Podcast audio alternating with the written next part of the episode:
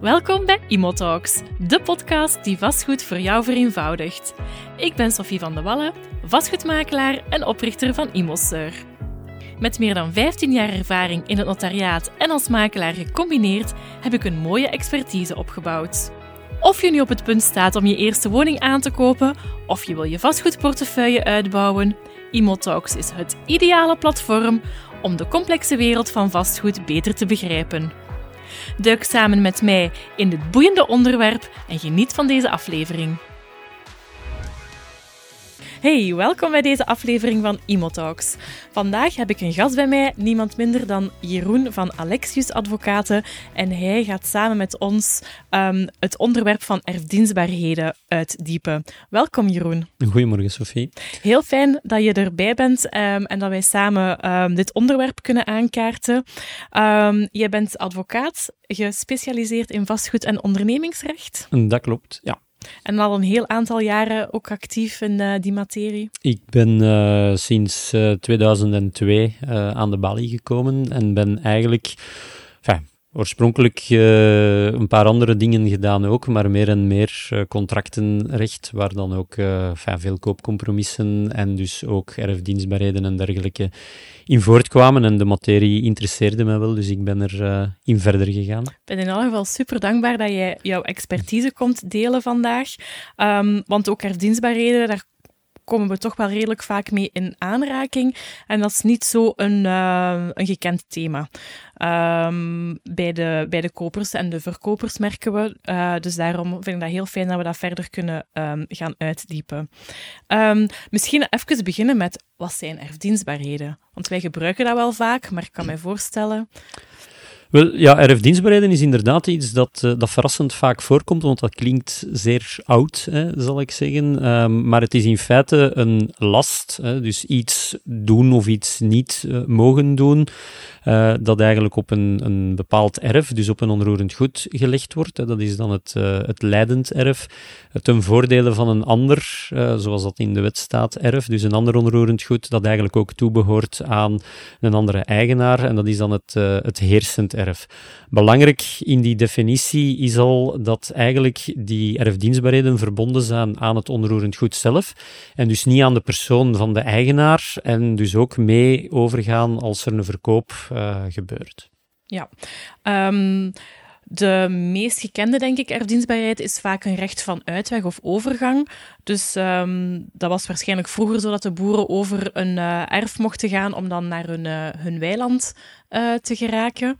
Zijn er nog voorbeelden van erfdienstbaarheden? Goh, ja, zeker in de stad hè, hebben we ook um, waterafvloeiing, dus afvoer van via het dak van de buren en zo verder. En ook lichten en uitzichten, hè, dus dat het toegelaten is dat u inderdaad op het terras of de tuin van, van de buren kijkt en dergelijke meer. Ja, um, een recht van overbouw, dat is ook een iets minder gekende, maar die komt toch ook wel, wel voor, zeker in stad. In stad, ik denk dat, dat in stedelijke gebieden um, heel wat meer erfdienstbaarheden zijn dan, um, dan landelijk. Ja, landelijk gaat het dan vaak over recht van, van uitweg. Hè. Dat is dan voor een ingesloten perceel of recht van overgang om van, van het een perceel naar het ander, uh, allez, of over een ander perceel te mogen gaan. En in, een, in de stad gaat het inderdaad vaak over uh, de waterafvloeien, lichten ja. en uitzichten, overbouw en dergelijke. Ja, en vroeger ook heel veel gemeenschappelijke waterputten, uh, maar die zijn stilletjes aan wel geëlimineerd geraakt. Ja, dat, is, ja. dat is al iets minder. Um, erfdienstbaarheden, hoe ontstaan die eigenlijk en uh, wat is het doel? Wel, uh, er zijn verschillende manieren waarop dat het kan ontstaan. Dat is enerzijds de verjaring. Dat is dan voor uh, zichtbare en voortdurende erfdienstbaarheden. Uh, die als er gedurende 30 jaar een, duidelijk is dat daar een, een, een weg ligt, ik zeg maar iets, waar dat eigenlijk mensen over kunnen passeren. Of daar ligt een waterafvloeiing, dus een goot of wat dan ook. Um, en niemand heeft daar in die periode tegen geprotesteerd. Dan ontstaat eigenlijk de erfdienstbaarheid door verjaring. Uh, een tweede ehm, vorm van, van ontstaan is eigenlijk eh, door de wet. Hè, en dat is dan specifiek het recht van uitweg.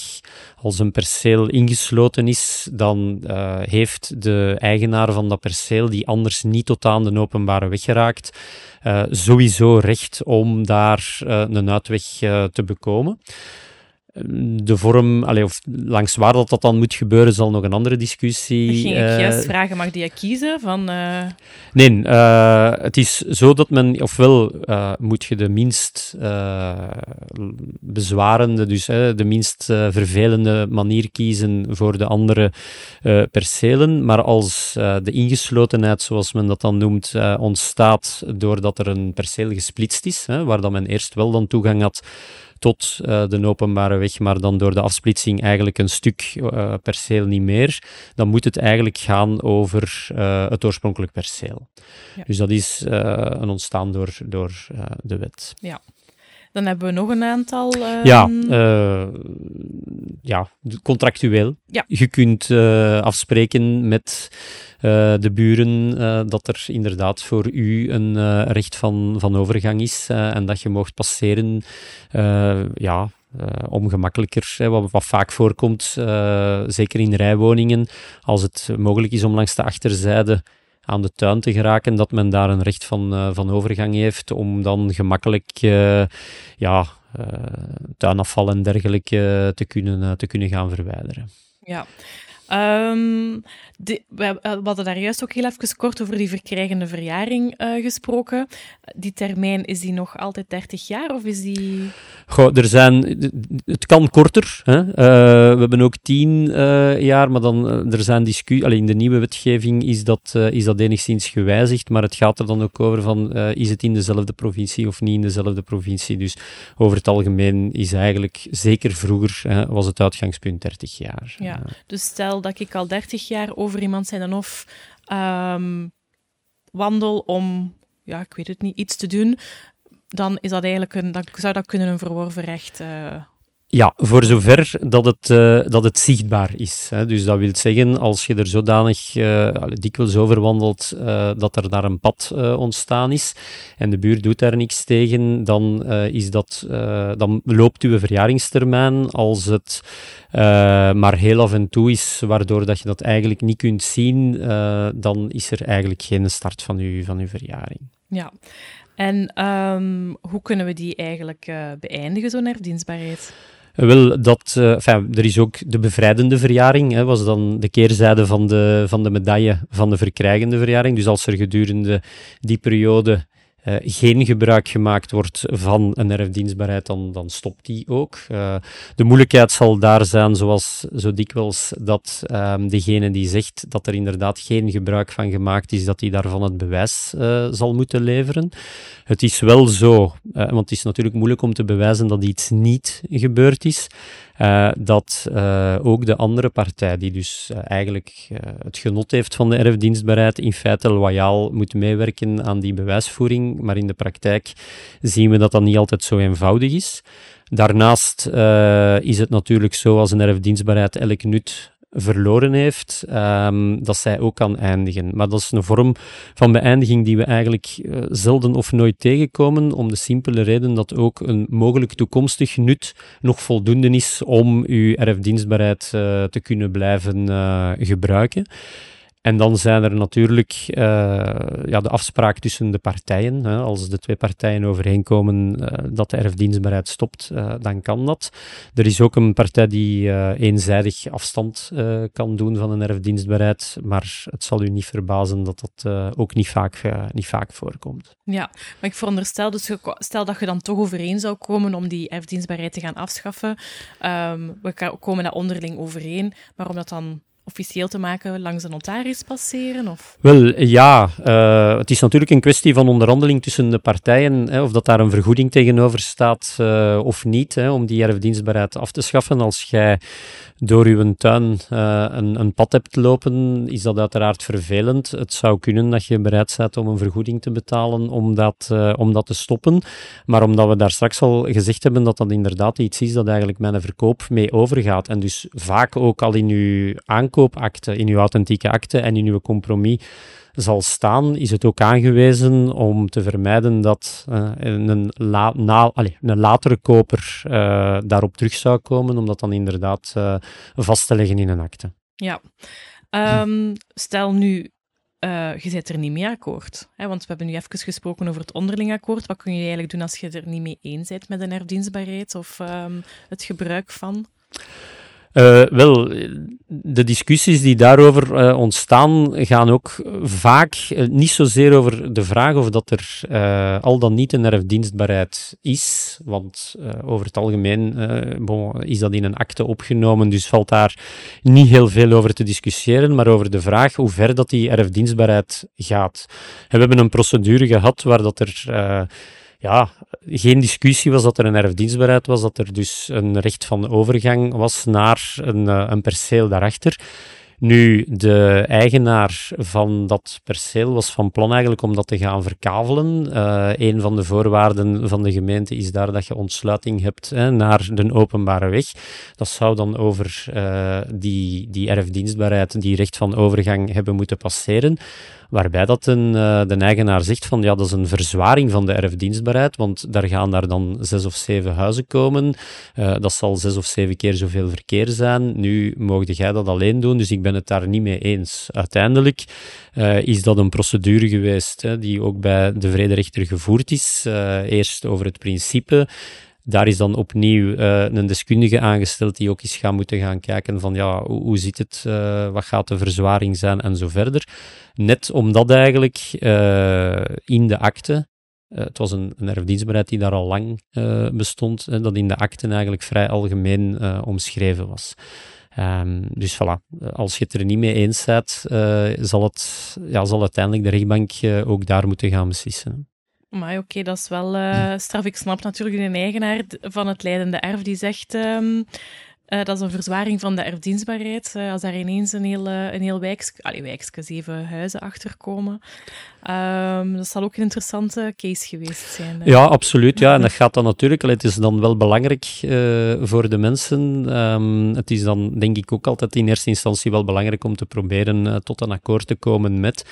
Maar als dat niet gaat, ja, dan, eh, dan zal uiteindelijk eh, een procedure, eh, een, enfin, een oplossing. Dan zal er een procedure moeten komen en dan zal de knoop doorgehakt worden. Zijn er bepaalde uh, geschillen die jullie vaker ontvangen dan anderen, dat je kunt zeggen van daar ontstaan toch wel redelijk wat discussies over? Ik moet zeggen dat eigenlijk de meerderheid ja, die rechten, alle rechten van overgang uh, en uitweg zijn en dan af en toe beplantingen die te dicht staan. Hè, uh, de discussies tussen uh, buren die ontstaan. En dan, het gaat dan vaak over nieuwe uh, buren, zal ik zeggen. Hè. Mensen die lang naast elkaar gewoond hebben en daar staan een boom te dicht tegen de afsluiting. Die afsluiting wordt dan ook al wel eens een beetje scheef geduwd hè, door die een boom die groter en groter wordt. Er komen nieuwe buren en die ja, zien dat niet meer zitten. Die willen een nieuwe afsluiting, die willen die een boom daar weg. En dan zal ook daar uh, opnieuw ja. de discussie zijn. Hoe lang staat die daar al? Uh, kunnen we tot een akkoord komen of kunnen we niet uh, tot een akkoord komen?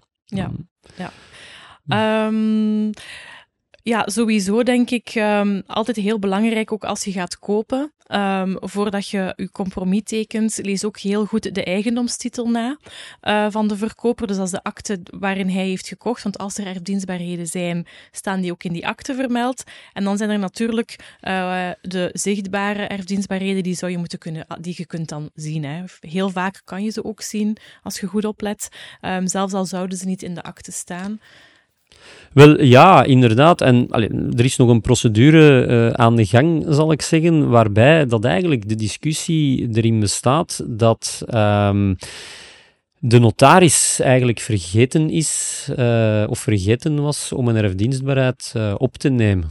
En dat is natuurlijk een, een, een moeilijkheid hè, die dan ontstaat. In principe kun je er wel van uitgaan dat die nu authentieke akte uh, dat dat daar allemaal uh, moet instaan. Maar uh, ik zou toch voor alle zekerheid ook altijd exp allez, expliciet bij de verkoper uh, informeren of hij toevallig nog weet heeft van zaken die, die niet in zijn akte staan. Ja. want ik herhaal het, die procedure gaat erover bij de ene partij staat het erin dat er een recht van overgang is en bij de andere staat het er niet in, terwijl het in de vorige akte van diezelfde eigenaar, ah, dus waarvan dat de eigenaar dan uh, gekocht heeft, het er wel in stond. Dus dat soort zaken ja, kunnen gebeuren en dan, uh, dan kun je het uiteraard niet weten. Dus één, rondkijken is belangrijk. Als er een weg is of een, daar staat een poortje en ja, je ziet daar mensen passeren, uh, is dat uiteraard een aanwijzing en het toch ook expliciet nog eens vragen. Ja, ook sowieso opnieuw het best van al is om dat ook al in het bod te gaan vermelden um,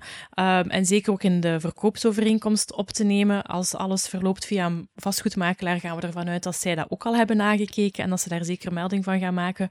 Maar um, ook onderling, als je zonder uh, professional gaat aankopen en verkopen, uh, kijk dat zeker en vast. Uh, ja, moet, moet je dat gewoon echt goed nakijken. dat daar geen um, fouten of vergissingen in gebeuren, natuurlijk. Um, zijn er nog bepaalde tips die jij kan uh, meegeven? Goh, uh, ook hier, hè, het zijn natuurlijk zaken die, die vaak uh, in actes en zo verder terugkomen. Dus laat hoe moet ik het zeggen, uh, laat de makelaar uh, alleszins dat goed nakijken. Ja. Uh, dat zijn professionelen die weten hoe daarmee om te gaan. Stel zeker de vragen aan de verkoper, niet alleen over het, het huis dat je koopt, maar ook over ja, de zaken die er rondhangen. Hè. De juridische punten zijn, zijn misschien minder interessant op dat moment, maar kunnen achteraf wel heel belangrijk zijn. En uiteraard is ook de notaris daar om, om die zaken mee op te volgen. Ja ja, minder interessant. Um, daar heb je inderdaad geen zin in, die juridische punten, maar die zijn uh, op dat moment wel heel belangrijk om uh, goed na te kijken. Absoluut. Bedankt Jeroen om aanwezig te zijn vandaag. Ik vond het heel fijn dat je met ons over de erfdienstbaarheden bent komen praten en hopelijk tot een uh, volgende keer. Dankjewel voor de uitnodiging.